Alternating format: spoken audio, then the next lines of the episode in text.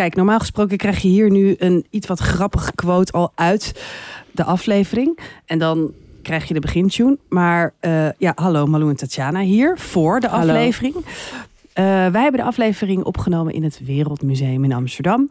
Eh, en dat was wat vroeger dan normaal. Deze hebben we op maandag opgenomen. Eh, en zoals je weet waren de verkiezingen op woensdag. Op woensdag, ja. En de daaropvolgende uitslag. En de uitslag. En we vonden En de het uitslag. te raar om daar in deze aflevering helemaal niks over te zeggen. Helemaal omdat in onze DM ehm, van onze Instagram, tussen 30 en doodgaan, ontzettend veel berichten binnenkwamen. Ja. Ehm, Ook Alle- omdat we natuurlijk de week daarvoor... eh nou, een van onze weekthema's was toen, toen natuurlijk de politiek en verkiezingen. En aangeslingerd door jou. En toen hebben we ook gezegd waarop we gingen stemmen. Wat we belangrijk vinden. ja, En toen eh, eh, ja, zijn ook in de stories had jij toen gepost van waar gaan jullie op stemmen? Wil je dat delen? Nou, dus we hadden best wel wat contact al met jullie natuurlijk ook over de verkiezingen. Ehm, nou, nou, en wat is er gebeurd? hoe... Het eh, is niet bepaald links-progressief eh, uit, nee, uitgevallen. Nee, ons praatje heeft eh, niet veel eh, verandering gebracht. Nou ja, wel heel veel saamhorigheid met de luisteraar. En er ook achter komen dat we echt, nou, dat jullie echt ook de meest waanzinnige, opendenkende eh, en progressieve luisteraars zijn. Eh, nou, het, het land. Denkt Het, het meer, een minder deel van het land zijn wij helaas. Dat wisten Nou we al wel. Eigenlijk ook weer niet, hè? Want ik bedoel, er hebben ook 69 mensen niet eh, op hem gestemd, in ieder geval. Ja, zetels. Laten we inderdaad, als je kijkt naar zetels. Precies. Ja. Ehm, en eh, eh, als je ook kijkt naar. Ik, Kaag zei daar iets eh, waanzinnigs over. Die zei: er- zijn ook gewoon nog heel veel mensen die wel links-progressief hebben gestemd. Dat zijn er ook heel erg veel. Mhm. Maar ja, de PVV is de grootste geworden. Hoe, waar, waar was jij toen je die eerste exit poll voor je kanus kreeg? Eh, in bed met COVID. Ah, in bed met COVID. Dat is echt, ja. Echt een goede. Dus je had je alvast een beetje voorbereid op deze domper. Ik had al een minder leuke uitslag gekregen. Dit was echt nog eens 3000 keer dubbel minder leuke uitslag. Ja. Ja, kijk, weet je wat het, het eh, stomme is?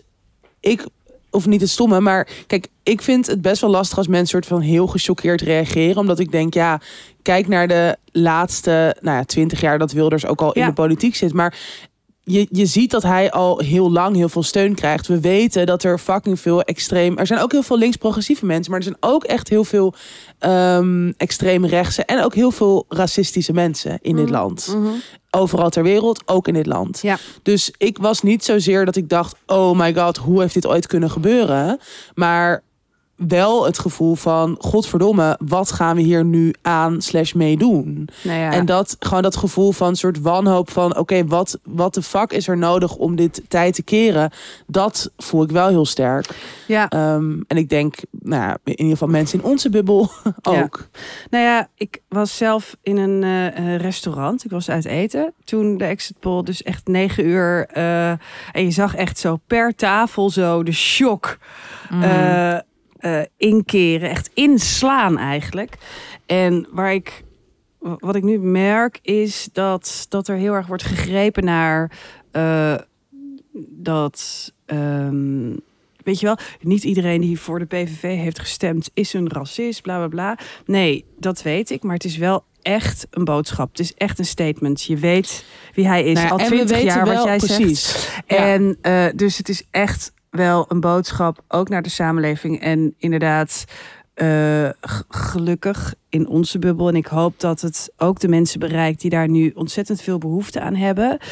Ehm, wordt veel gesproken over, nee, laat elkaar niet los, hè.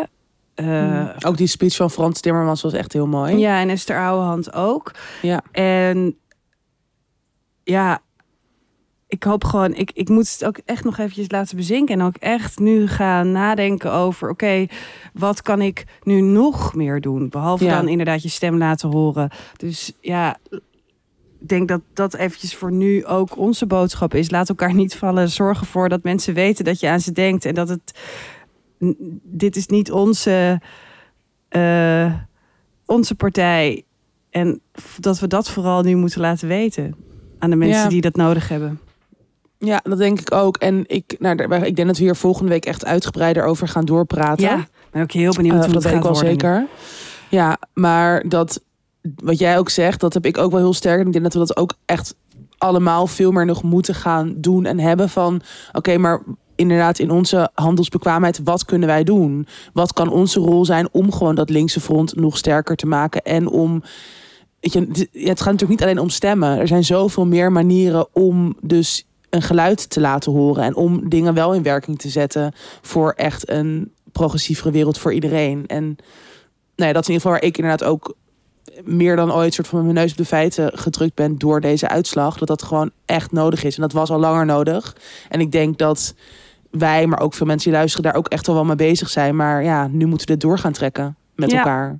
Ja, Ehm, maar goed, er- inderdaad, laten we volgende week, want ik denk dat, ja, ik denk dat we het gewoon nog verder moeten laten bezinken. Precies. Ook kijken of er al meer, weet je wel, geluiden komen over formatie. Hoe, ja, ik merk ook dat hoe onduidelijk het al voor heel veel mensen is. Dat mensen nu ook al ervan uitgaan dat hij minister-president wordt. Dat ze ervan Ja. uitgaan dat allerlei dingen die hij roept, dat dat mogelijk is. Ik Meteen gaat eh, gebeuren, eh, ja. Heel veel dingen die hij roept, dat kan helemaal niet gebeuren. Maar nogmaals, daar gaat het gewoon niet om. Het gaat erom dat er nu een sentiment heerst dat dit dus iets is dat, dat dus ook de mensen die niet racistisch zijn en die wel voor andere dingen op de PVV hebben, dat hoor je nu. Nee, nee, ik heb op de PVV gestemd voor omdat de zorg. kinderen geen huis kunnen we krijgen. kinderen huis kunnen Ja. Ja, la la la. Maar je weet wel, het, het boeit je dus niet goed genoeg.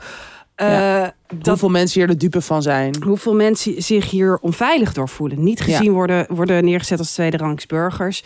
En eh, nou, van ons eventjes de boodschap. eh, omdat we het er eh, de komende uitzending eigenlijk niet over hebben. Voor ons geldt dat niet. Voor ons geldt, wij maken deze podcast voor iedereen. Wij luisteren naar de verhalen van iedereen. En iedereen is welkom bij ons. En dat is toch eventjes iets wat we nou, gezegd wilden hebben. Helemaal waar. Nou, dan nu gewoon naar onze vrolijke begintune. Alsof er niks aan de hand is. De wereld is nog mooi.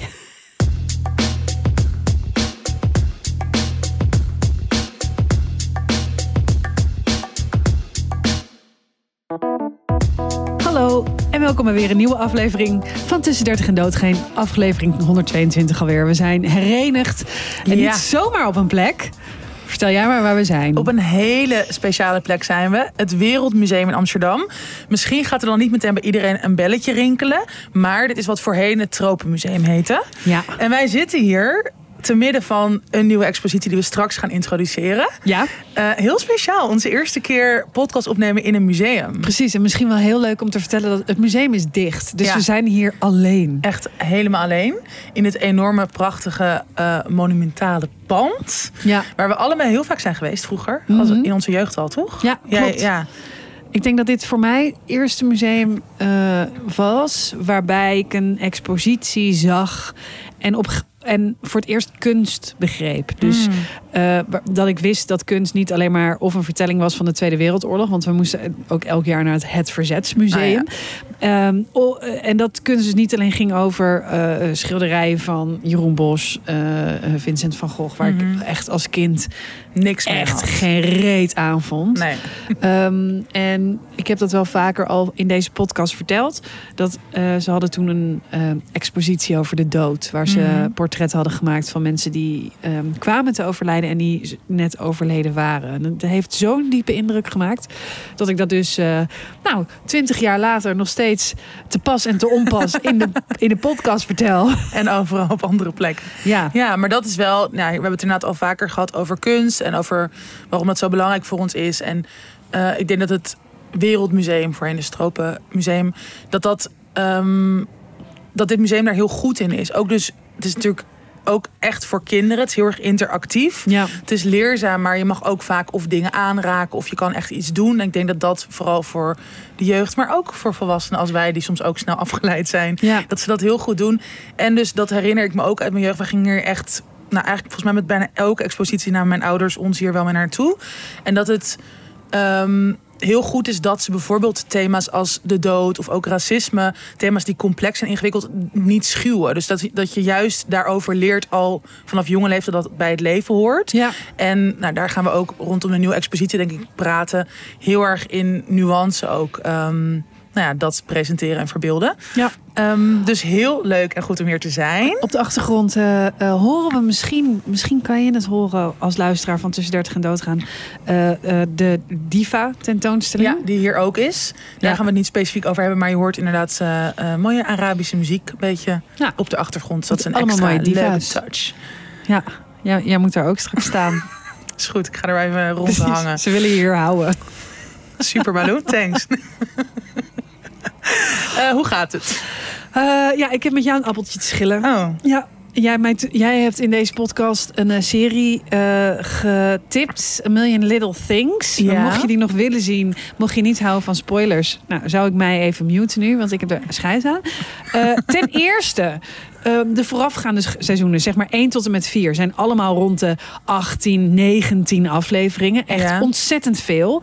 En wat ik dus niet door had, want ik kijk hem vaak als ik ga slapen. Dus in, in bed kijk ik dan eventjes die serie.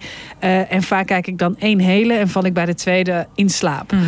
Ehm, dus ik ging nu aflevering 12 kijken. Want ik denk, nou, ik heb er nog een stuk of zeven. ja.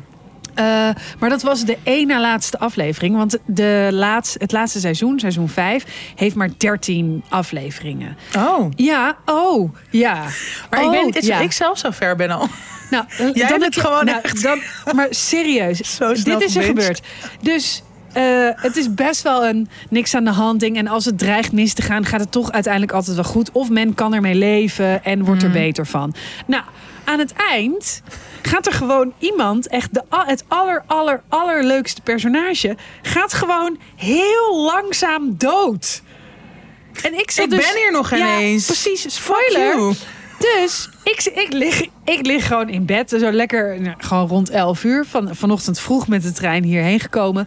En ik lig dus echt jankend in bed. Het was zo ontzettend heftig. Zo heftig. Dus, dus ik kon ook niet dat uitzetten. Dus ik dacht, ja, nu moet ik het afkijken. Dus ik oh nee. dat, die hele serie afgekeken. Die dus dan, ja... Is het dood? Gewoon echt heel, heel heftig. Toen ging ik eruit. ik dacht, ja, ik ga maar even mijn bed uit. Heel, heel even bijkomen. Ik heb eventjes wat water gedronken. En no- nog, nog een beetje skincare gedaan. En ik, ik terug in bed dacht ik, nou, ik ga eventjes iets niks aan de hand kijken. eh, dat. Dus ik had Friends opgezet. Maar Ja, dat is is nu ook heel ook heel kut.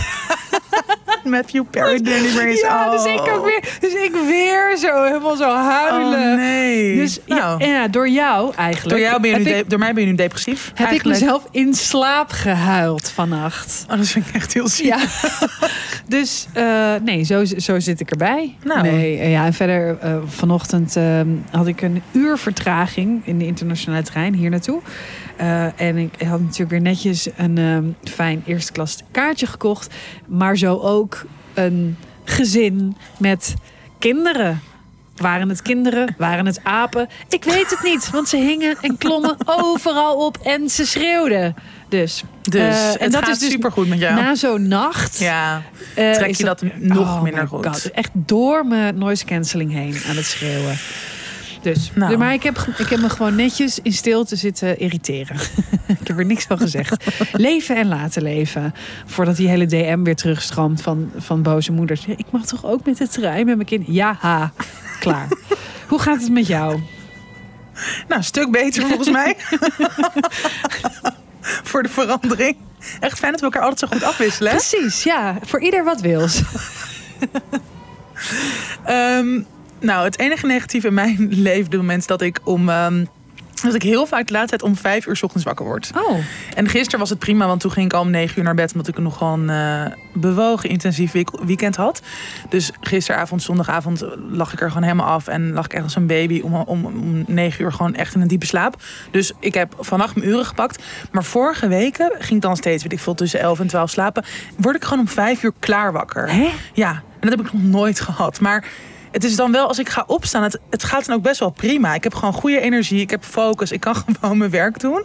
En dan soms stort ik wel einde van de dag in, maar op zich prima. Ja, Maar raar is dat, hè? dat is heel raar. Ik dacht dat het alleen gebeurde bij echt oude mensen, die dan soort van opeens Nou, echt oude, oude mensen die slapen natuurlijk aan één stuk door tot ze eigenlijk doodgaan. Precies. Maar een soort die levensfase Zoals het hoort. daarvoor, zoals het hoort. nou ja, zo wil je wel doodgaan, laten we wel Ja. wezen. Ehm, ja, als je dat verder van een goed overdosis. Mm, weet ik niet. maar good M. for you. Ja, Annie is wel in alles natuurlijk een rolmodel. Daarom. Ehm, nee, ja, dus dat is mijn slaapritme. Eh, verder had ik echt een heel leuk weekend, maar ook heel druk.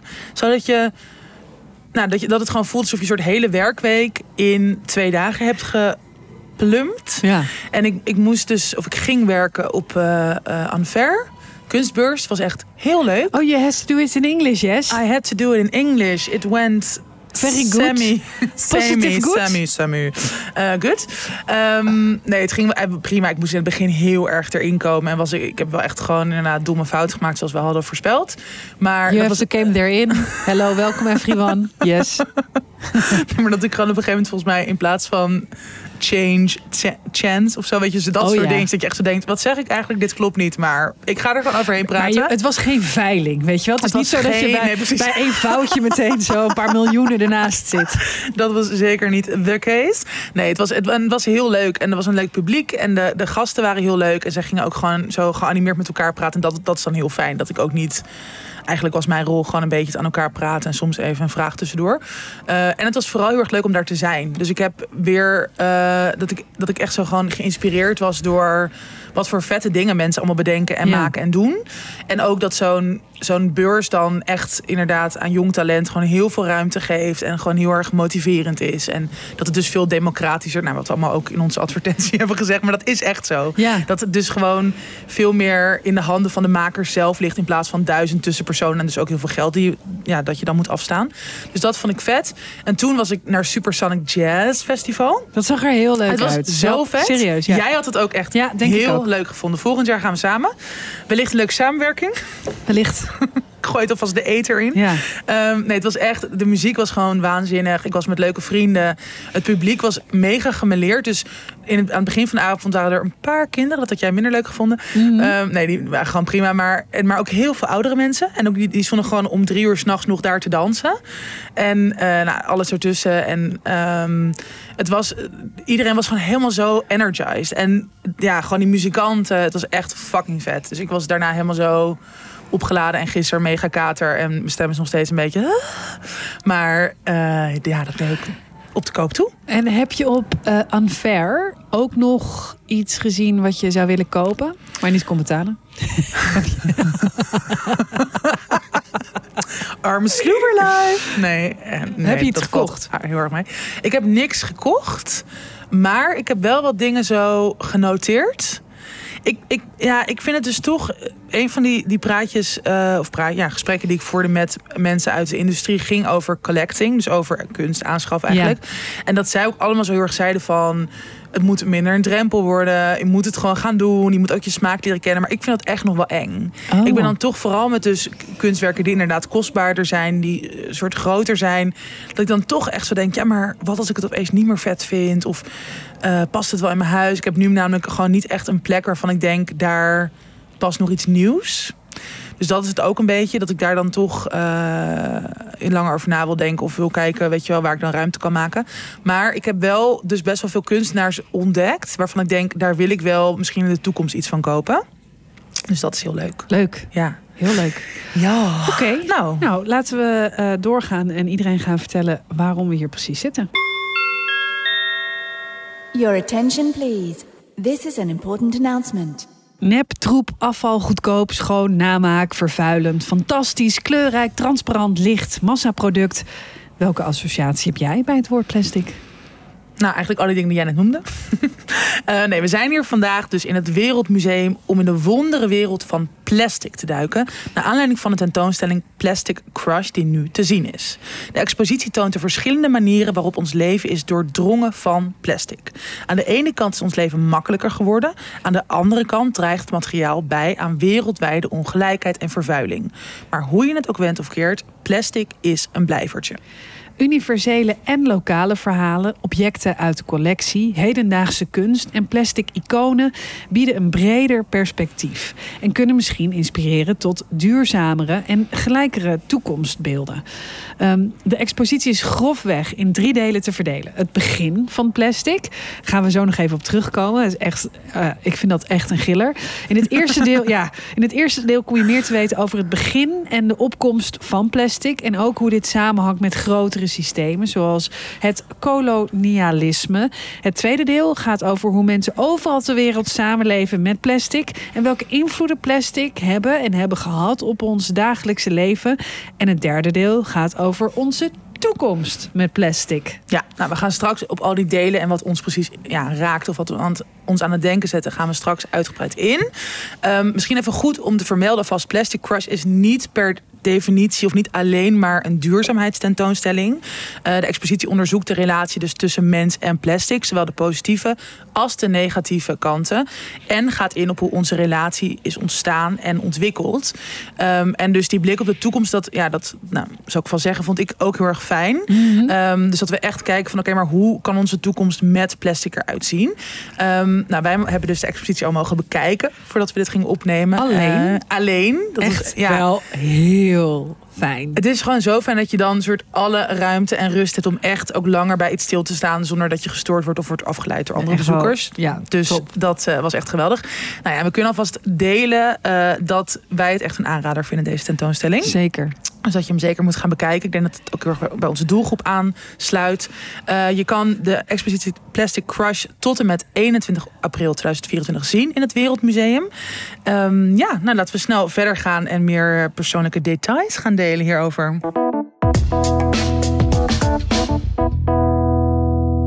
Ja, Ja, ik moet dus eerlijk zeggen dat ik eh, dacht een eh, tentoonstelling te gaan bezoeken. Wat, wat eigenlijk ook een beetje een aanklacht zou zijn tegen ons eigen plastic gebruik. plastic gebruik. Ja. Maar dus ik was echt eh, voorbereid om even op mijn vingers getikt te worden. Wat ik ook wel ben, Ja. maar, maar wel in, eh, in een veel bredere zin en een, ja, een veel, breder perspectief. Absoluut, absoluut. Ehm, ja, wat is eigenlijk het eerste wat jou opviel toen je hier binnenkwam? Eh, nou ja, ik, het is best wel een uitgebreide expositie. Jij noemde net al die drie delen. Eh, ik vind, ja, wat me opviel, is dat het gewoon heel vet is vormgegeven en ingedeeld. Die, Er zijn verschillende ruimtes. Eh, nou, je ziet natuurlijk allemaal verschillende plastic of ja, materialen eigenlijk. In verschillende vormen. Eh, ik, we zitten hier nu in, in een van de ruimtes. En achter jou staat een soort van. Ja, wat is het? Waar al die plastic verpakkingen in te zien Een zijn muur. een muur van plastic eigenlijk. Eh, dat, ja, dat viel mij wel meteen op toen ik er binnenkwam. Ik dacht, Ja. oh ja, dit is dus gewoon... Dit is natuurlijk eigenlijk gewoon een soort klein onderdeeltje van die plastic soep... die we natuurlijk allemaal kennen. En wat natuurlijk gewoon die vervuiling ook van plastic Ja, eigenlijk loop je tegen je eerste associatie loop je gewoon direct aan. Hè. Ja. Ehm, maar ja, wat me het meest meteen op... Ja, heel veel dingen. Nou, wat jij al meerdere keer hebt gezegd... hoe, hoe plastic eigenlijk is ontstaan... Dit is toch is grappig. Vertel Ja. jij het maar even. Plastic is ontstaan door de biljartbal.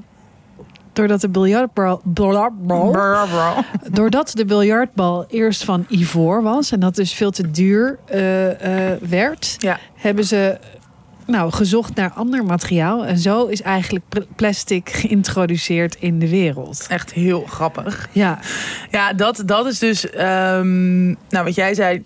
Je leert dus over hoe, ja, hoe het ontstaan is. ehm, en eigenlijk ook al meteen vanaf dat eerste deel.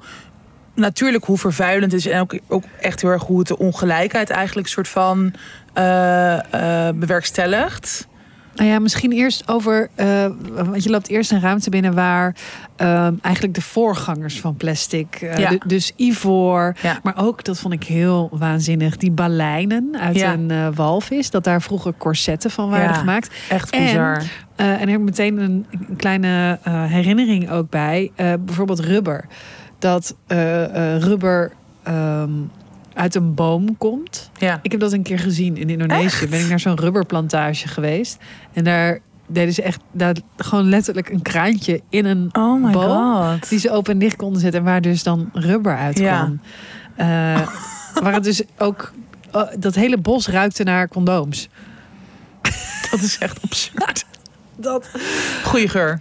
Dus inderdaad, je komt binnen en je loopt dan door, eh, eh, door eigenlijk de eerste ruimte. Ja. eh, tot je bij de biljartbal aankomt. Tot je bij de biljartbal aankomt. Nou ja, en dat je dan dus ziet inderdaad eh, hoeveel er van plastic is gemaakt. Ja. En kijk, wij focussen denk ik nu eh, natuurlijk heel erg op... oh, we moeten bijvoorbeeld rietjes niet meer plastic maken... of we moeten niet zoveel verpakkingen gebruiken die plastic zijn. Maar als je gewoon ziet hoeveel er van plastic is gemaakt... natuurlijk ook onze kleding, maar ook bijvoorbeeld vernieuw. Natuurlijk, dat is nu weer helemaal hip om Ja. de hele tijd platen te kopen. Maar ja, dat is natuurlijk ook allemaal van plastic gemaakt. Radio's, weet je, gewoon echt muziekinstrumenten. Dus hier een accordeon staat er tegenover mij, ook van plastic. Het is een soort, eigenlijk alles wat je, of niet alles wat je kan bedenken, maar wel heel veel, is hiervan gemaakt. En we zijn er ook zo afhankelijk van geworden. En dat is natuurlijk wel, ehm, ja, nogmaals, ik denk dat Kijk, vroeger was bij ons thuis echt soort plastic uit en boos. Ik kom natuurlijk uit zo'n typisch vrij schoolgezin waar ik alleen maar stoffen poppen mocht. En soort geen speelgoed van plastic. En Barbies kreeg ik pas op hele late leeftijd. Dus ik had eerst dat ik dacht, nee, maar dat wil ik. Dat is een soort van het summum, weet je wel. Ehm, maar ja, op een gegeven moment verander je daar natuurlijk in. Als je dus meer hoort over die ongelijkheid en over vervuiling. En over, ja, dat, want dat is natuurlijk het hele ding. Plastic vergaat gewoon niet. Ja. Dus het, ja, het blijft altijd bestaan. En nou, wat ik net zei, zoveel dingen zijn van plastic gemaakt. Dus het stapelt zich natuurlijk alleen maar op. Ja. Ehm, en zodra je daarover leert, dan ga je natuurlijk heel erg focussen op: oké, hoe kan ik mijn plastic consumptie verminderen? Eh, wat een goede zaak is, als we dat allemaal zouden doen, dan is dat natuurlijk gedeel- gedeeltelijk een oplossing. Ehm, maar het is ook, dat vind ik gewoon vet aan deze expositie, dat het ook gewoon heel erg laat zien van ja, dit is nu de realiteit, dit is nu ons leven met plastic.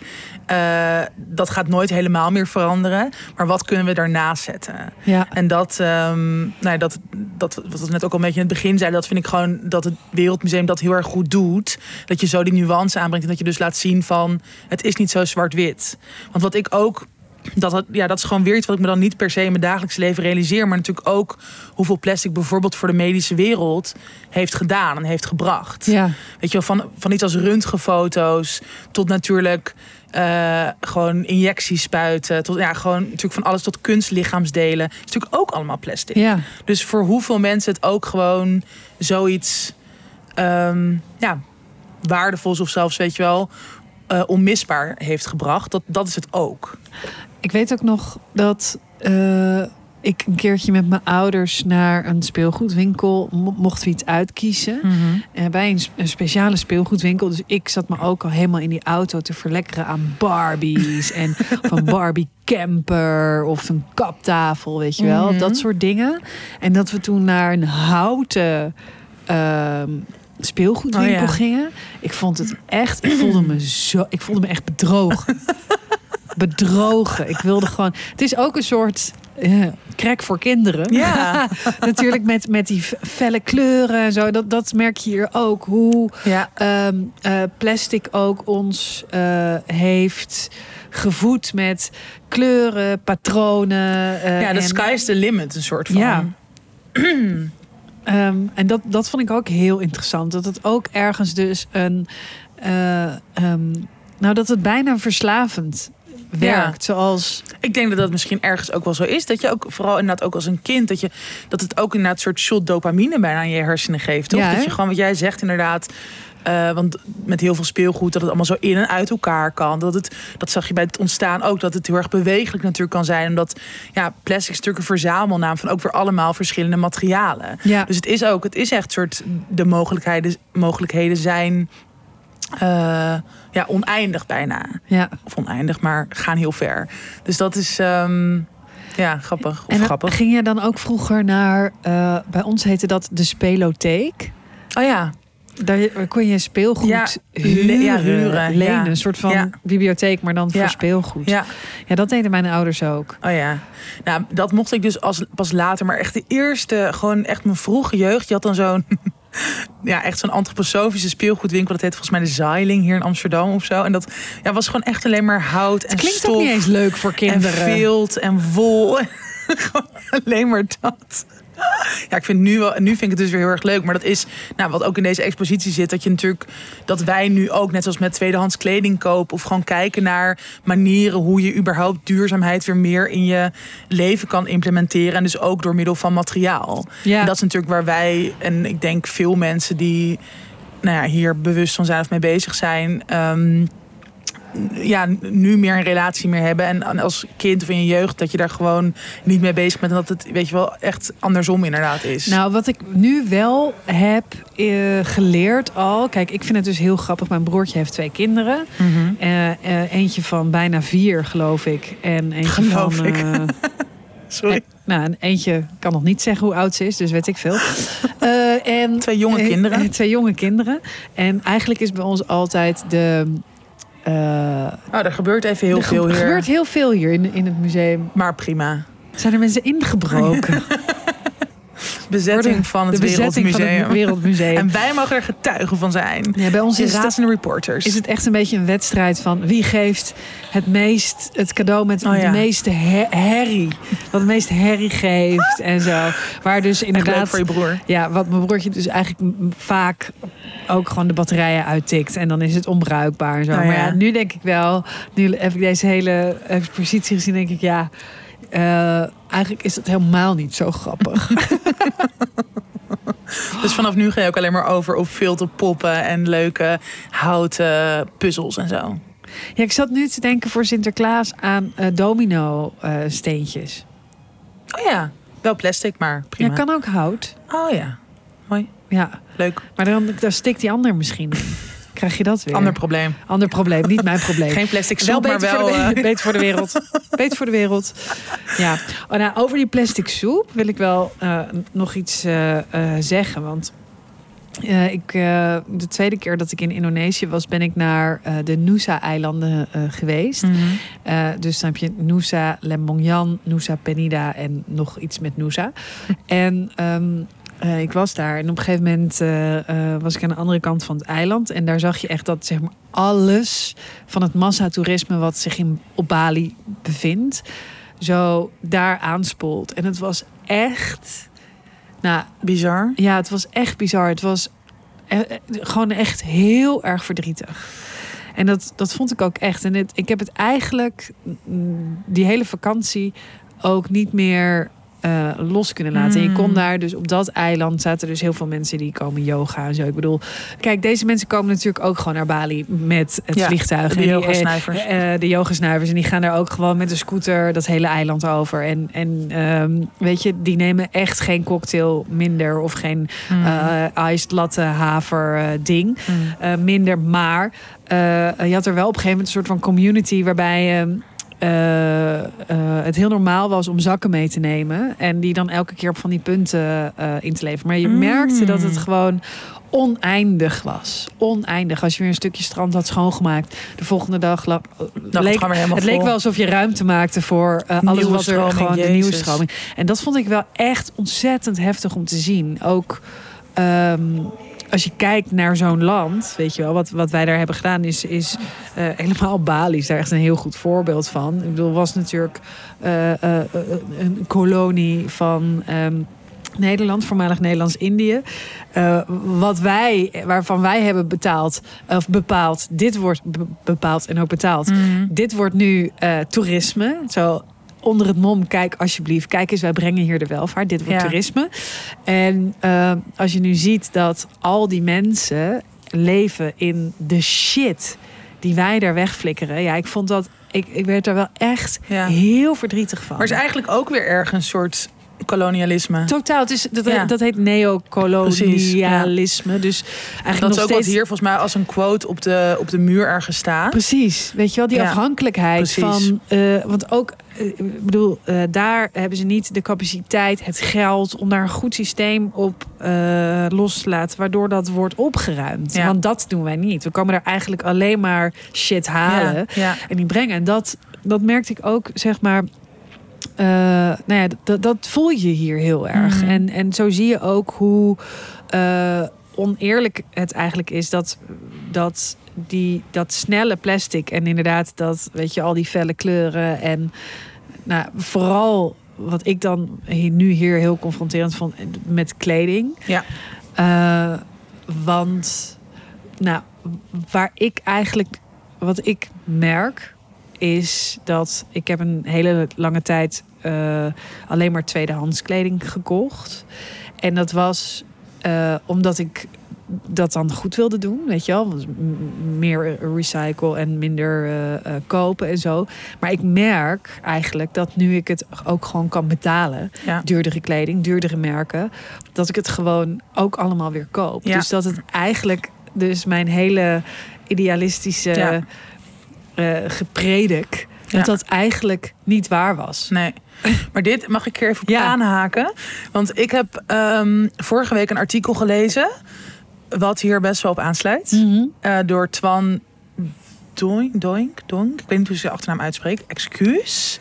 Eh, nee, Twan, Don, Twan Donk heet hij. Ja, Twan een van de medeoprichters eh, of founders van Das Mag uitgeverij. Ja. Ehm, en hij heeft een artikel geschreven voor de Volkskrant. En dat heet Millennials die de mond vol hebben van systeemverandering. Jullie zijn zelf het systeem.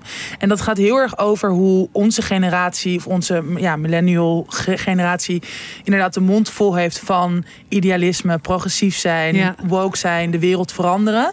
Eh, wij zijn het aan het doen, heel erg dat, dat idee eigenlijk hebben. Maar als je kijkt naar hoe we eh, het uitvoeren of hoe we echt soort stellig zijn in keuzes die we maken in ons idealisme, valt het vies tegen. Mhm. Dus we zeggen wel, oh, we willen minder vliegen, maar we gaan inderdaad wel naar Bali. of Amerika. Ja. En we zeggen we eten minder vlees, maar onderaan de streep consumeren we eigenlijk evenveel vlees als onze eh, voorgaande generaties. En hetzelfde met bijvoorbeeld kleding. Ja. En ik vind het, het is een heel sterk issue, want hij zegt zelf. Ik doe dit ook en het zijn ook mijn vrienden. En ik denk dat wij dat, nou, dat zeggen wij ook natuurlijk vaak genoeg in Ja. de podcast. Maar goed, je kan het allemaal zeggen, maar wat ga je er, of als je het echt belangrijk vindt, wat ga je daar doen om wel idealistisch te zijn? En ik vond dat hij een heel goed voorbeeld gaf van zijn eh, vriendin, of ik weet niet, volgens mij is ze niet getrouwd, Brechtje Hofstede, schrijver. En zij had laatst in haar Insta-story, denk voor een artikel of zoiets, had zij gezet: eh, Ken je idealisten? En toen hadden super veel mensen gereageerd, of over zichzelf, of over, weet je wel, vrienden benoemd. Ja. Eh, tot, oh, deze persoon is echt idealistisch hier en hier en hierom. En toen had of hij of zij het volgens mij aan diens moeder gevraagd. En die zei. Oh, ik ken eigenlijk niemand. Want om echt idealistisch te zijn, moet je echt dingen laten. Of moet je echt onbaatzuchtig zijn. Weet je, allemaal ja. en dat vond ik zo'n soort tekenend ehm, en ook schrijnend soort inzicht van, oh ja, kijk, we hebben het hier heel veel over en we denken hierover na. En natuurlijk is dat We belangrijk zetten en het goed. op, op onze we Instagram. zetten op onze Instagram of we praten erover in onze podcast. Ja. Of, weet je, we hebben allemaal ons, inderdaad onze mond ervan vol. We schrijven hier artikelen over. Oh, we moeten echt duurzaam, we moeten echt bewuster. Want het gaat ook net zo goed over bijvoorbeeld een zwart vierkantje tijdens Black Lives Matters posten op Instagram. Of het hebben over vrouwenrechten in Iran. Of nu met, weet je wel, Ja. eh, het eh, ja, conflict Israël-Palestina, je daarover uitspreken. Maar over een paar maanden is er weer iets anders waar je aandacht aan geeft. Precies. En hoe dringt het werkelijk door in je dagelijks leven? En wat laat je er dus echt voor? En dat is hetzelfde, denk ik, met eh, als je het hebt over vervuiling, over duurzaamheid, duurzame keuzes maken. En dat. ehm, dat, ja, dat artikel, ik heb er gewoon echt sinds ik het heb gelezen elke dag over nagedacht. Omdat ik dacht, ja, fuck, weet je, dit is wel. ehm, hoe kan je echt idealistischere keuzes maken en daar echt, nou, dus inderdaad dingen voor laten en daar veel, ehm, veel meer met een gestrekt been ingaan. En t- nogmaals, als je dat belangrijk vindt, en ik vind dat wel echt belangrijk. Ik voel wel een soort intrinsiek dat ik denk, ja, ik, ik wil dat wel dus meer ontwikkelen of leren. Eh, en dat ik denk dat deze expositie daar ook aan bijdraagt. Dat je gewoon denkt, oh ja, Ja. eh, zonder dat je eerst op je vingers getikt wordt, maar Ja. juist door kennis, door Ja. de weg van plastic, ehm, ja, eh, te leren eigenlijk. En ook eh, het ontstaan, het gebruik, eh, nou ja, de, ehm, het, het conflict wat het oplevert Ja. tussen arme landen en rijke landen. Ja. En, ehm, En dus ook hoe we het natuurlijk ook, no- nogmaals wat ik zei over die medische wereld. Ja, natuurlijk zij zijn ook wel bezig met, want dat is natuurlijk het hele ding. Veel ook om hygiënische eh beweegredenen kun je heel veel dingen natuurlijk maar één keer gebruiken. Dus dat, ja, volgens mij is, zijn er mensen in de medische wereld ook daarmee bezig om dat weet je, te verduurzamen. Of te kijken hoe je dat gewoon vaker kan gebruiken, her kan gebruiken. Ehm, maar dat je inderdaad die context veel meer krijgt. Ja. Dus genoeg in, achtergrondinformatie, context. Ja, ik zag een heel mooi pak gemaakt van eh, oude injectiespuiten. Het, is echt, het ziet er waanzinnig uit. Ja. Gaan we uiteraard op onze Instagram Ja. eh, eh, zetten. En ehm, even kijken hoor. Dat is van een kunstenaar die heet Flori Sinanduku. En ehm, die maakte een bodysuit van injectienaalden als portret tegen de slechte kwaliteit van de medische zorg in eh, demo, Democratische Republiek Congo. Dus inderdaad ook weer zo'n voorbeeld van ehm, dat er ook in die medische wereld en ook met wat er om handen ligt.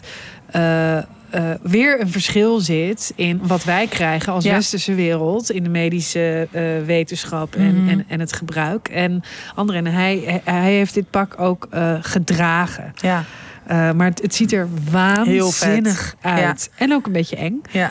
Ehm, uit 1983. al. en dat vind ik, ja, het is ook een beetje waar, waar we hiermee openden.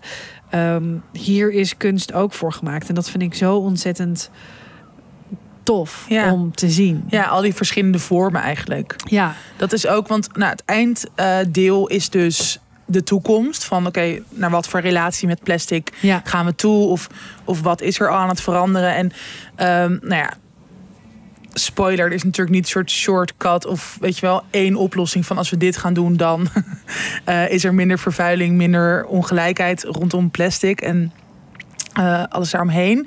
Maar, en dat is natuurlijk, dat is gewoon met heel veel dingen zo, dat, eh, dat ze ook zeggen van ja, eigenlijk moeten we gewoon weer terug naar natuurlijke materialen. Zoals bijvoorbeeld, volgens mij werd er ananasvezel of zo genoemd. ja. Wat, waar natuurlijk mensen al mee leefden voordat we, eh, of dingen mee maakten voordat die plastic werd, weet je wel, ontstond. Mogen best wel weer wat conservatiever worden in ons eh, eh, Nou ja, productgebruik. Ja, en eigenlijk wel. En ook, dat is natuurlijk, ja, waar ook gelukkig veel meer mensen mee bezig zijn. Niet de hele tijd van alleen maar meer, meer, meer willen. Ja. En die hele overconsumptie en dat we gewoon zo een soort van verwend zijn geraakt. En dat eh, ook natuurlijk gewoon die hele maakbaarheid hieromheen. Je hoeft niet altijd iets nieuws en meer om gewoon een, een, een goed of prima leven te leiden. En dat is wel. eh, ja, en dat vind ik ook heel vet dat in die laatste, dat laatste deel zie je vier ontwerpers. Mhm. eh, die dus ja, op allerlei manieren met een frisse blik naar onze toekomst met plastic kijken. En dan zie je ook filmfragmenten en wat voor materialen zij dan bijvoorbeeld werken. ja. Heb jij daar, daar heb je een voorbeeld Ja, van, hè? eh, ik heb eh, ontwerper Scarlett Yang. Die ontwierp een oplosbare jurk.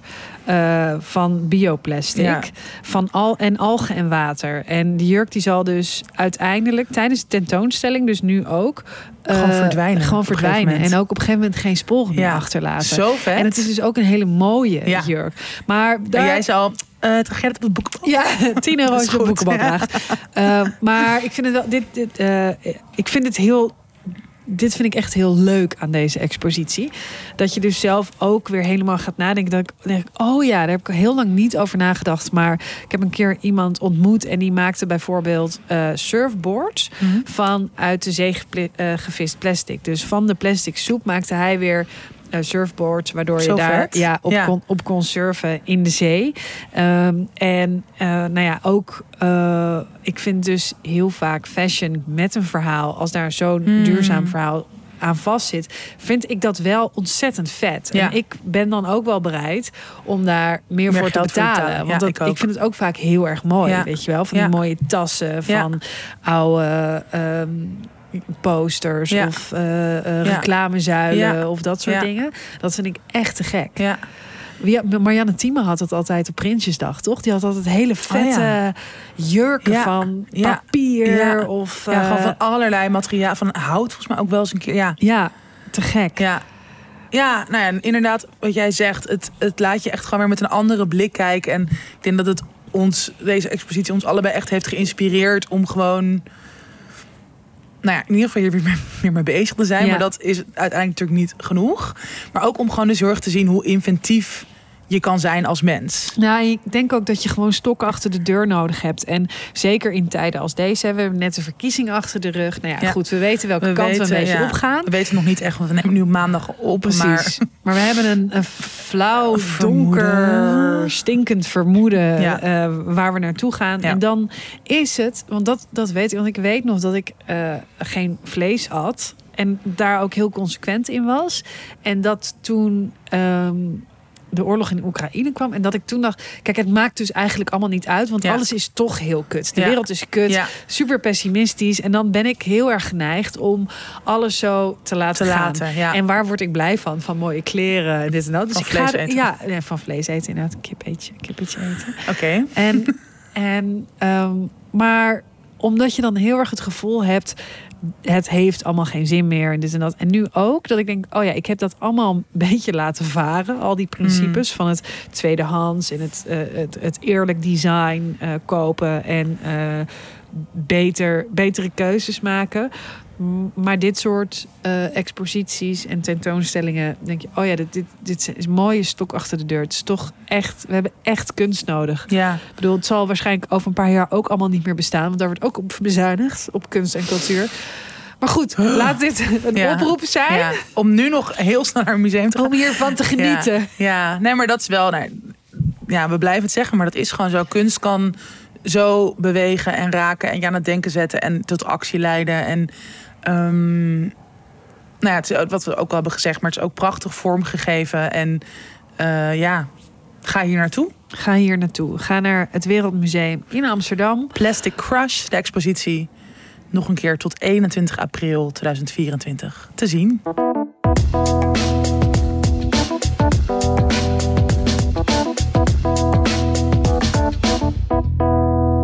Tips. Wow. Maar wat mooi tweestemmig. Prachtig.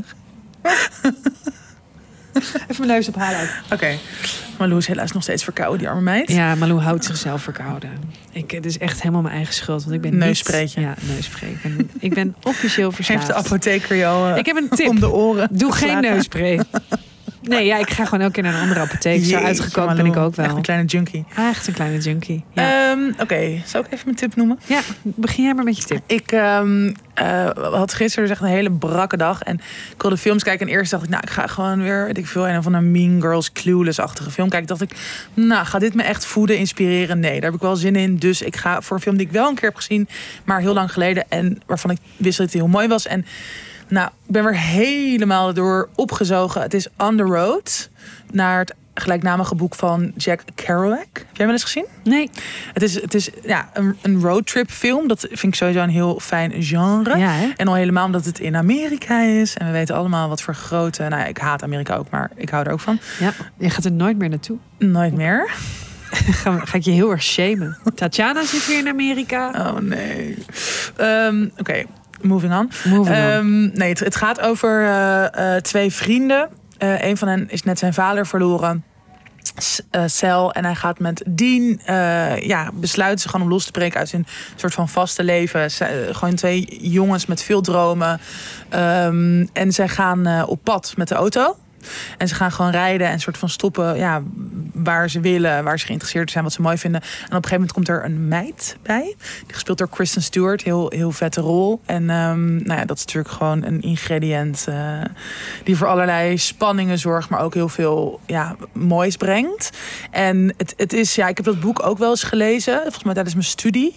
En ehm, het is nou, dat boek heeft gewoon echt, en dat is dus ook wel in de film natuurlijk iets minder, want het gaat daar ook heel erg een soort plotgedrevenheid. Maar dat boek is ook een tip. Het is echt, ja, ik wil even mijn lievelingscitaat eruit voorlezen, waar ik gewoon nog heel vaak zo, dat je er zo aan denkt, dat je van, oh ja, dit is hoe ik wil leven of wat ik ook wil.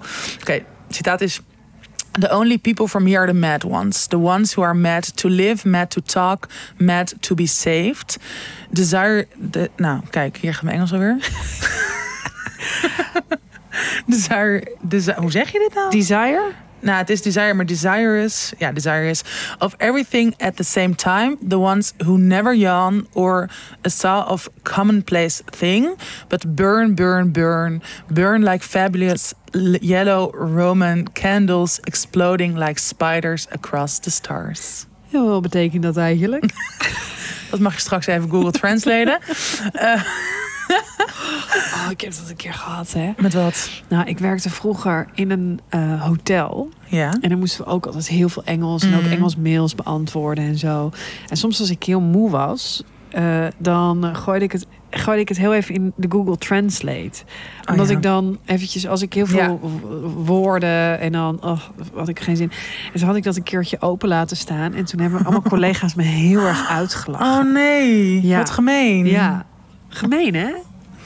En het was toen, vroeger was Google Translate ook echt niet Nee, echt zo crappy. Ja, ja. Was ook zo heel.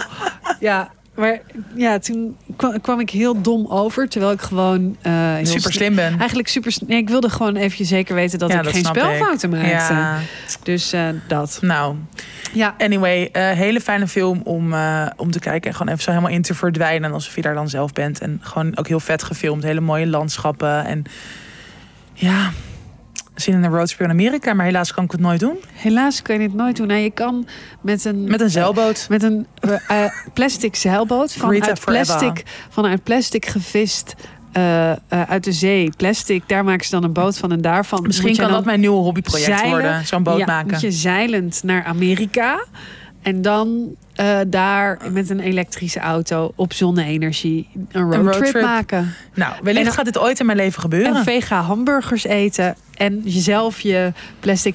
Oh, dat wilde ik nog zeggen. Nou, dat in. nou, we zitten toch in de tips met films. Dus het kan hier best eventjes tussendoor. Dat ehm, eh, Sex in the City Hm? mij ook heel erg. Zeg maar met al die. De hele tijd dat ze zo'n drankje in hun hand hebben. Of zo'n lemonade of zo. Dat is volgens mij ook zo ontzettend eh, aanstekelijk. Ik denk dat als je.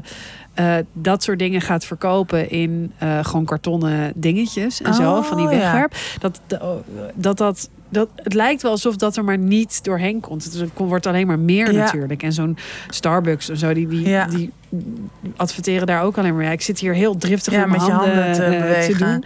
Dus dat, dus dat het ook zo aanstekelijk werkt Ja. om mee te gaan in die trend van Ja, op wat je dus straat ziet- lopen met je ijskoffie Wow. en, en zo dat. Ja, dus stel je voor, films en series zouden dus gewoon een heel ander beeld.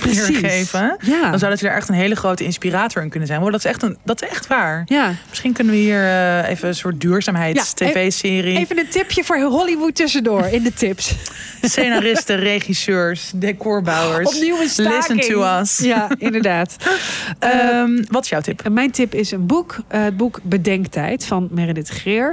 Ehm, ja, het is eh, haar debuut. En het gaat eigenlijk over verborgen stilte, rouw en woede na het ondergaan of het plegen. Nou, daar gaat het dus ook al over eh, van een abortus. Mhm. En zij neemt dat eigenlijk, eh, ja, gewoon dat hele gegeven eh, onder de loep. Dus ehm, ja, de vervreemde en verwoestende effecten, wat dat met je doet. De opluchting, onzichtbaarheid, de verbeelding van het, van het verdriet, verdriet en de onvermijdelijkheid van nou ja, het vergeet. En ze verweeft dat heel erg in ja, een soort essays, maar ook poëzie. Mhm. En taal ehm, speelt ook een hele belangrijke rol hierin. Omdat eh, ik hoorde ook een eh, interview met haar met Frits Spits in de taal staat. En ze zei bijvoorbeeld over, weet je, het, er is maar één woord voor abortus. En dat Mhm. is al abortus. Maar hoe je het gebruikt, is alweer Ja. eh, zo tekenend. Want onderga je een Ja. abortus, pleeg je Ja. abortus. En, ja, en zij onderzoekt dus ook ja, heel erg eh, de taal rondom het gegeven eh, met wat er met haar is Mhm. gebeurd. En Mhm. ook, nou ja, dat hele duale eh, eh, en, en paradoxale. eh, en nou, het, is, het is ontzettend goed geschreven. Ehm, en eh, ja, het is, het is heel mooi en, en troostend en soms woestmakend. En ehm, nou, ik denk dat veel mensen er iets aan kunnen hebben. Mooi. Oké. Your attention, please. This is an important announcement. Wij hebben een hele fijne nieuwe samenwerking. Eindelijk mogen we iets vertellen over mijn skincare routine. Heb ik lot of you guys been asking about my skincare routine. Ik heb het dus Nou, echt nog nooit gedaan. Maar goed, eh, wij hebben een samenwerking met Food for Skin. Het is een merk dat eind 2020 is opgericht door Katie en Angela. Twee zussen op een missie om de beauty-industrie weer een beetje mooier te maken. Ja, na een mislukte persoonlijke zoektocht naar kwalitatieve, eerlijke en 100% natuurlijke huidverzorging namen ze het heft in eigen handen om te bewijzen dat het wel kan. Effectieve producten die de aarde zo min mogelijk belasten. Nou, zoals je weet vinden wij het in onze samenwerkingen belangrijk dat het aansluit op wie wij zijn en wat wij met tussen 30 en dood gaan willen vertellen, wat we belangrijk vinden. En het feit dat we hier midden in de tentoonstelling Plastic Crush zitten en iets mogen vertellen over een skincare lijn met als missie naast ultieme huidverzorging ook duurzaamheid. Nou, dat zegt volgens mij wel genoeg. Ja, ze gebruiken echt de meest krachtige en voedende ingrediënten uit de natuur. Dus groenten, planten en pitten. Ja. En de basislijn is in ruim twee jaar tijd ontwikkeld in samenwerking met een professioneel laboratorium in Nederland. Nou, Food for Skins missie gaat verder dan zo duurzaam mogelijke huidverzorging. Ze dragen ook bij aan het ontwikkelen van meer ingrediënten verkregen vanuit lokale reststromen. Nou, upcycling noemen we dat. Ja. Ehm, dus eh, bijvoorbeeld uitschillen van avocado's, uit pitten, uit eh, nou, dingen die je normaal weggooit. eh, nou, die hebben zij Dat gebruikt gebruiken ze allemaal. om skincare van te maken. Nou, ze in- investeren veel tijd in educatie. En ze eh, werken samen met de Plastic Soup Foundation om het gebruik van microplastic in cosmetica tegen te gaan. Wow. Het staat allemaal weer zo goed bij elkaar aan. Precies. Waar wij mee bezig zijn en waar we nu ook zitten. Ehm, ja, deze eh, skincare producten van Food for Skin is 100% natuurlijk. Bevat geen parfum, geen parabenen, geen microplastic dus, zoals jij al zei. Of andere schadelijke ingrediënten. De producten zijn ook vegan en niet getest op dieren. Nou, vinden wij ook heel erg belangrijk. En, dat is natuurlijk het leukste, wij hebben ze ook mogen testen. Zeker. Ja, er zijn verschillende sets voor verschillende leeftijden. Zo is er de tomato-based cream en een carrot cleanser voor alle leeftijden. En de cucumber set voor mensen tot een jaar of 40, dus voor ons. De set pumpkin tot 55 jaar. Ja, voor En- Renze. Voor Rinse. Die gebruikt hem ook. En is ook echt fan. Ja. En de set avocado vanaf 55 jaar tot doodgaan. Ja, nou, wij hebben een complete verzorgingsset getest met die carrot cleanser, de tomato-based cream en de cucumber serums. En dat is dus die set voor tot 40 jaar, voor een onrustige huid. En die werkt helend en remt ontstekingen. Nou, zoals iedereen weet is het voor mij eczeemseizoen.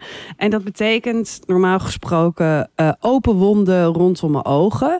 En voor mij is het dus altijd best wel spannend om nieuwe crèmes Nieuwe uit producten, producten. ja. Ja, want Ja, ehm. Nou, de meeste reinigingsproducten en de eh, meeste crèmes eh, branden echt heel erg. Dus dan wordt het allemaal Mhm. rond mijn ogen ontzettend rood. Nou, uiteindelijk gaat het ook open, omdat mijn huid zo gevoelig is en zo dun en zo ehm, onder het eczeem dat het gaat bloeden. Ja, het is Oeh. echt wel vaak een hel. Dus ik vond het best wel spannend, weet je wel? Want ik Ja, ga dus allemaal nieuwe, ja, nieuwe dingen op mijn gezicht smeren. En ehm, nou, ten eerste, het is ongelooflijk zacht. Het zijn echt een soort, ja, de serums zijn echt op oliebasis. Dus het is Ja. heel zacht voor je huid. Het trekt ontzettend fijn in. En het ruikt echt heel natuurlijk. Het is echt even een andere geur dan eh, je normaal gewend. bent. Het is echt Ja, zonder niet die geparfumeerd of zo. Ja. Ja. Eh, en nou ja, mijn huid is echt ongelooflijk zacht. En ja, jij kan dit zien, Tat. Maar ik gebruik het nu ruim twee weken. Ja, Ehm, je hebt geen open wonden of zo. Nee, ik heb geen open wonden op mijn gezicht. Nou ja, die eh, tomato cream, die is echt heel lekker. Die trekt ontzettend goed in. Heel Ja. hydraterend. Ja. En ja, die, ik vind hem dus ook heel lekker ruiken. Ja. Eh, en hij, ja, ik zit nu met dat putje ervoor hoor. Ja, dat zit op- potje lekker. Potje lekker. nou, dus eh, en ik heb Ook dus heel makkelijk mee te nemen. precies. Het heeft hele chille verpakkingen. Het ziet er echt mooi en stijlvol uit. En je kan het dus ook, omdat het dus best wel kleine eh, glazen verpakkingen zijn, kan je het heel erg makkelijk gewoon in je tas overal mee naartoe nemen. Ja, dat zijn de kleine sets, hè, als je die Ja, bestelt. Ja, precies. Dus je hebt inderdaad verschillende sets. Maar dat, dat vind ik echt heel relaxed. Want Maar ik heb in de... Ja, sorry. Ga jij maar eerst verder. Nou, ik ik heb wel mijn ervaring. Ja, ik wilde dus alleen nog even zeggen, ik heb dus, eh, ja, mijn eczeem is onder controle. Het is niet erger geworden, het is niet opengescheurd. Eh het is zacht voor mijn huid. En ook op de plekken waar ik geen eczeem is, heb ik echt zo'n hele lekkere Zo'n babyhuidje. Ja, dus ik ben Oh, echt, echt ontzettend enthousiast. Heel enthousiast. Ja. Echt leuk. Echt en goed. jij? Ja, ik ben ook heel erg enthousiast. Ik heb eh, geen last van eczeem, maar wel altijd zo met die seizoensveranderingen van gewoon zachter weer naar als het wel kouder wordt. Dat ik gewoon merk dat ik zo van die rode droge plekjes op mijn gezicht heb. En gewoon een, gewoon een beetje zo grauwere, schralere huid. Ehm, en ik ben dus altijd ook op zoek naar inderdaad mijn huid wordt sneller droog dan vet, zeg maar. En daar zijn deze producten dus ook echt top voor. Hoewel je volgens mij ook echt wel voor verschillende huidtypes hebt. Maar wat wij nu hebben getest is inderdaad super hydraterend, vet genoeg, maar wel dat het dus goed intrekt, wat jij ook zegt. En ja, ik merk dat mijn huid er ook heel lekker op gaat. Dus, ehm, en wat jij zei, ik moest ook best wel wennen aan die geur. Omdat je dan toch gewoon gewend bent aan een meer... Ook al, weet je wel, ik gebruik altijd wel natuurlijke producten. Maar die zijn dan toch vaak met, ja, dan misschien met etherische olie of zo. Weet je wel, dat je dan toch echt zo'n... eh, beetje geparfumeerde geur gewend bent. Wat Mhm. ik ook heel lekker vind. Dus ik moest er best wel even aan wennen. Maar want jij zegt, ik vind het nu ook heel lekker. En het is vooral omdat, en dat is natuurlijk gewoon zo'n wisselwerking met dat je merkt dat je huid er goed op gaat. Dat, ehm, dat je weet dat het ook gewoon natuurlijke producten zijn. Dat vind ik toch ook heel fijn om te weten. Dat je gewoon geen shit, zowel voor je eigen huid als voor het milieu, voor de wereld, voor de dieren, niet belastende producten gebruikt. Ehm, ja, en wat je zegt, mijn huid is gewoon ook rustig. Goede glow. En vooral gewoon, het voelt gewoon heel gezond of zo. Ja. huid voelt gewoon heel gezond aan. Dus dat, dat is lekker. Ja. Dus ehm, ja, Goed Nou. verzorgd. Kortom, ben je op zoek naar een nieuwe skincare routine en vind je het belangrijk om zo min mogelijk negatieve impact te maken op de aarde en precies te weten wat je op je gezicht smeert? Ga voor Food for Skin. Ga voor Food for Skin. Ja, met de code TDED15 in hoofdletters, dus tussen 30 en doodgaan 15, krijg je 15% korting op Food for Skin producten. Deze code is geldig tot en met 10 december, dus je kan hem ook nog even lekker gebruiken. eh, voor een Sint cadeautje, voor een kerstcadeau alvast. Ehm, via de site vind je al die verschillende lekkere producten die wij net hebben genoemd en nog andere. Ehm, er zijn ook echt waanzinnige proefpakketten om dingen uit te proberen. Eh, dus voor jezelf of om cadeau te doen. Sla je slag bij Food for Skin. Ja, check www.foodforskin.care of onze Insta, Insta stories deze week of de show notes. En nog een keer, de kortingscode is TDED15.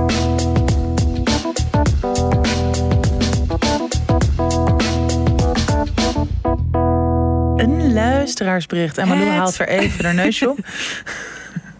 Malou haalt er de neus voor. Niet voor het luisteraarsbericht. Nee. Oké, het is best wel een lange, so bear with me. Ja. Altijd luister ik met veel plezier naar jullie podcast en adviezen op levensvragen die vaak lief en wijs zijn of heel destructief. Tussen haakjes staat er Malou. Dus Oh. deze is voor jou. Top. Ehm, nu heb ik er ook één waar ik graag jullie advies voor zou willen hebben. Mijn zus is zeven jaar ouder, heeft een lieve vriend en twee adorabele kinderen. Zelf hebben wij, plus broer die er nog tussen zit, geen contact meer met onze ouders. Vooral voor mijn zus, de oudste, heeft het haar jeugd, puberteit en de periode van wel geen contact met ouders heel zwaar geweest. Mijn vader had narcistische trekken en gaf mijn moeder meermaals het gevoel dat ze niets waard was en niet zonder hem was. Mijn moeder klaagde vaak zo openlijk over haar innerlijke en uiterlijke tekortkomingen die er helemaal niet waren. Dit werd ook vaak bevestigd door mijn vader. Mijn moeder en wij ook waren mentaal en fysiek niets waard. Wij als kinderen werden zowel emotioneel als fysiek mishandeld. Iets wat mij tot op de dag van vandaag nog veel moeite kost om te zeggen. Ik zelf ben 24 en ben sinds mijn studie aan, het, aan de universiteit uit huis en heb toen pas los kunnen breken van deze periode. Ik heb inmiddels EMDR gehad en veel gewerkt aan mezelf. Tevreden ben ik nog steeds met mijn innerlijk slash uiterlijk, maar ik kan steeds vaker neutraler naar mezelf kijken. Mijn zus heeft ook veel therapie gehad. Maar gisteravond benoemde ze ineens dat ze zich niet knap vindt en zichzelf eigenlijk geen fijn persoon vindt. Ik schrok ergens van deze opmerking en vroeg hoe ze het vond dat haar dochter zoiets over. Hoe ze het zou vinden als haar dochter zoiets over haarzelf zou denken. Nou, lang verhaal kort. Mijn zus wil er verder niet, wil er verder niet aan werken. Ze zegt dat het haar niet belemmert en dat ze ervoor gaat zorgen dat haar kinderen hier niets van meekrijgen. Dat laatste, daar ben ik niet van overtuigd. Want ik, ik kan mij de shopsessies met mijn moeder nog herinneren. En hierin kwam het wel duidelijk naar voren. Ongeacht of mijn zus in staat is dit wel voor mijn nichtje of neef te verbergen, wil ik gewoon graag dat ze ziet hoe mooi ze is van binnen en van buiten. Ze heeft twee mega zware zwangerschappen en bevallingen gehad, doet een studie naast haar werk, staat altijd voor mij klaar, heeft een hele lieve vriend en ondanks alle shit van vroeger staat ze heel erg positief in het leven. Ik zie veel eigenschappen in mijn zus waar ik nog veel van kan leren. Dat heb ik ook gezegd, maar het komt niet binnen bij mijn zus. Hebben jullie tips hoe ik, zonder op te dringen, meer kan aankaarten bij mijn zus? Ik wil dat ze zich goed in haar vel voelt. Mooi. Ja, hopelijk willen jullie het behandelen. Ehm, Het is heel lastig, hè? Omdat je eh, natuurlijk een eigen pad bewandelt. Te Het klinkt weer heel eh, zweverig. Maar kijk, als ik bijvoorbeeld kijk naar mijn jeugd... en eh, hoe mijn broertjes dat hebben ervaren... dat is een heel ander verhaal. Ja. Dus sowieso denk ik dat je wel heel erg moet oppassen met eh, nou hoe jij iets hebt ervaren en, en eh, eh, nou, dat op iemand projecteren. Al zullen er echt wel veel gelijkenissen zijn, omdat je ook al zegt ehm, de uitwerking is hetzelfde. Weet je wel, Ja. jij hebt je ook zo gevoeld en je gunt je zus dat zij zich ook niet meer zo voelt, net als jij. Ehm, ik vind dat allereerst over het kind is natuurlijk super lastig, want eigenlijk. Ja, als je je daarmee gaat bemoeien, dan spreek je ook een soort iets uit waarbij het eigenlijk uitspreekt dat je geen vertrouwen in hebt dat, dat het haar wel lukt. Ja. Ehm, en ik denk dat dat best wel eh, een dun, dun lijntje is. Ehm, en dat je dat echt heel goed moet aanvoelen, daar iets over te zeggen. Ik zou wel mijn nichtje eh overs of en neefje ook trouwens, echt overspoelen met complimenten. Ja, Ehm, ja. en qua ja, met je zus zou ik vooral. eh, ik vind het een hele moeilijke vraag, merk ik. Ehm, Ik denk dat je ehm, dit best wel goed kan benoemen. ja, Dat je dus dat je nou, er bang voor bent, zal best wel inderdaad een soort precies. zwaar gezegd. Maar je kan misschien wel zeggen van. Ik maak me er zorgen over of ik denk er wel over na. En ik zou het je ook heel erg gunnen. Weet je, dat je het op die Ja. manier insteekt. Ik zou het je heel erg gunnen dat je eh, positiever over je, nou laat ik het zelf, een lichaamsbeeld voelt. Ja, Ehm, ik heb er heel veel aan gehad, weet je wel, door EMDR of door hier en hier en hier mee bezig zijn. Dat je dat ook heel concreet maakt. Of bijvoorbeeld boeken die je hebt gelezen, die je hebben geholpen. Of podcast geluisterd, of weet je wel, wat dan ook. ja, Dat je het meer zo als een soort van bijna beetje handvat of inspiratie voor haar. Zonder dat je het inderdaad, want ik denk dat jij erg gelijk hebt, Malou, van iedereen heeft hier zo erg een eigen weg, een eigen proces in te volgen. En eh, als ik ook naar mezelf kijk. Eh, weet je, ik heb heus wel eens advies gehad van andere mensen toen ik begin twintig was. Als het bijvoorbeeld ging over net rouwverwerking of eetstoornisbehandeling of whatever. Maar ik was er gewoon nog niet klaar voor. Dus het Ja. kwam ook helemaal niet binnen. En het werkt inderdaad vaak juist averechts dat ik heel erg defensiever van werd. precies. En dat wil je inderdaad voor zijn. Of daar, daar wil je niet komen met juist je zus waar je je zo verbonden mee voelt. En dat je zegt dat je van haar kan leren. En dat je eigenlijk heel close met haar bent. Dus ik denk dat inderdaad het opdringen, dat je daar echt heel erg weg van moet blijven. Maar dat zeg je zelf ook al. Ja. Eh, maar dat je, dat je meer met je zus gewoon moet proberen. Of ik zou gewoon proberen om hier wel gesprekken over te blijven voeren. Of dat je bijvoorbeeld heel erg doorvraagt van, oh ja, maar als je dan jezelf niet mooi vindt. Of als je jezelf geen fijn persoon vindt, waar uitzicht dat dan in? Of weet je wel, dat je gewoon een beetje probeert het in ieder geval open te breken. En met elkaar daarover te kunnen hebben. Ja, Dat kan soms ook al voor andere inzichten zorgen. en ik zou haar heel vaak eh, om hulp vragen. Dus inderdaad, dat, eh, juist haar, waar, waarin jij tegen haar opkijkt, hè, dat zie je van, eh, zij heeft echt eh, dingen waar ik heel veel van kan leren. Die zou ik heel erg vergroten Mm. en daar ook eh, heel veel focus op leggen. Omdat eh, mensen dan misschien er ook zelf eh, het ook zelf gaan Ja. zien via Ja. jou. Als mensen het Ja. zelf niet goed kunnen zien van zichzelf, kan ze het misschien via jou zien. Dat eh, als ze jou vooruit ziet gaan door het advies dat zij aan jou geeft, dat ze dan ja, kan zien, dit, dit komt door mij. Dat ze er dan zelf misschien via jou toch ook wel weer mooi. meer in gaat geloven. Ja. ja, en dus ook gewoon, nou wat jij net ook zei, Malou, dat, ehm, ja, dat je gewoon zelf kijkt van oké, hoe kan ik, en dat hoeft dus helemaal niet altijd te gaan over, want dat vind ik juist ook, als je altijd alleen maar ook zegt dat iemand heel erg mooi is, ook tegen kinderen, dan gaan ze alsnog focussen op uiterlijk. Terwijl wat jij zegt, eh, brievenschrijver, dat jij dus juist ook neutraler naar jezelf kan kijken, dat je juist heel erg Precies. kijkt van oké, maar hoe kan je als iemand iets, weet je wel, iets moois heeft gemaakt of iets, iets moois zegt of, of heel grappig is, dat je veel meer op soort ehm karaktereigenschappen Ja. eh, gaat zitten in plaats van dus op uiterlijk of op, Oh, op goeie, prestaties ja. of zo. Ja. Dus ik denk dat, dat je daar eigenlijk niet vroeg genoeg mee kan beginnen. Ehm, en dat misschien, dat kan ook weer, weet je, dat je, dat je dat ook misschien met je zus deelt. Of dat zij ziet dat jij dat doet en dat dat dan ook weer een soort op haar overwerkt. Dus ik zou inderdaad ja, kijken wat jij zelf voor invloed hierin hebt in deze familiedynamiek. Eh, maar niet inderdaad zeggen van, of met een vingertje wijzen of zeggen van, oh, Pas op. pas op. Of je moet wel in therapie. Of, ja, want dat, dat werkt denk ik inderdaad ook echt averechts. Ja. Ja. Oké. ja, dat complimenten over karakters is een hele goeie. En ook vaak, dat vind ik ook altijd zelf zo prettig. Als mensen zeggen, oh wat lief dat je het vraagt. Of oh wat een, Ja. oh wat, weet je wel, dat soort Ja. hele kleine, Ja. Ja, sneaky ja, ja, dingetjes. goeie. Dat. Ja. Eh, heel veel succes. Ja. Hou ons maar eventjes op de hoogte. Ja, als je wil. Heel fijn. Eh, en eh, nou, dit heel goed hem. bezig ook. Ja, zeker. Volgens mij. heel met goed. al, inderdaad, het klinkt pittig wat jullie hebben meegemaakt. Ja, Dus ik vind dat altijd dat ik denk, ja, zo goed bezig al met gewoon het Ja. leven blijven leven en, en ja, zo in jezelf werken. maken. Ja, Voor jezelf kiezen. ja, precies. Oké. Oké, Ehm, dit was hem weer. Wacht, ik doe heel veel kleintje. Wat is dit? Dat was echt een hele... Gek hè? Ik heb deze nog nooit Ik gehoord. Nou, leuke nieuwe bumper. Ja, dit klinkt beter. Zo, ja, zo. Dan, Oké, wow. Alleen het einde en het Oh, begin. schattig. Nou, super. Eh, dit was onze speciale aflevering vanuit het Wereldmuseum in Amsterdam. Ehm, ja, nogmaals, we hebben het vaker gezegd, maar we menen het echt. Ga Plastic Crush bekijken. Ehm, heel fijn om hier te zijn. Fijn om jou weer te spreken en te zien in levende lijf. Het is echt Inderdaad. even geleden. Gaan we even ergens lunchen of zo? Ehm, ik moet een deadline halen helaas, maar leuk idee. Leuk, leuk idee voor jou. Ga maar met je vriend lunchen. Ga maar met je vriend lunchen. Have fun.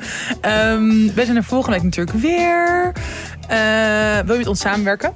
Net Ja. zoals het Wereldmuseum bijvoorbeeld. Dan kan je mailen naar Amanda en Jul tussen 30 en doodgaan gmail.com. Blijf ons levensvragen sturen via onze Insta tussen 30 en doodgaan. Of ook via de mail. Ja, en mocht je nou hier zijn in het Wereldmuseum, maak even een fotootje en tag ons even erin. We leuk, Dan ja. doen we hem ook even eh, delen. Reposten. Oké, doei. Ciao.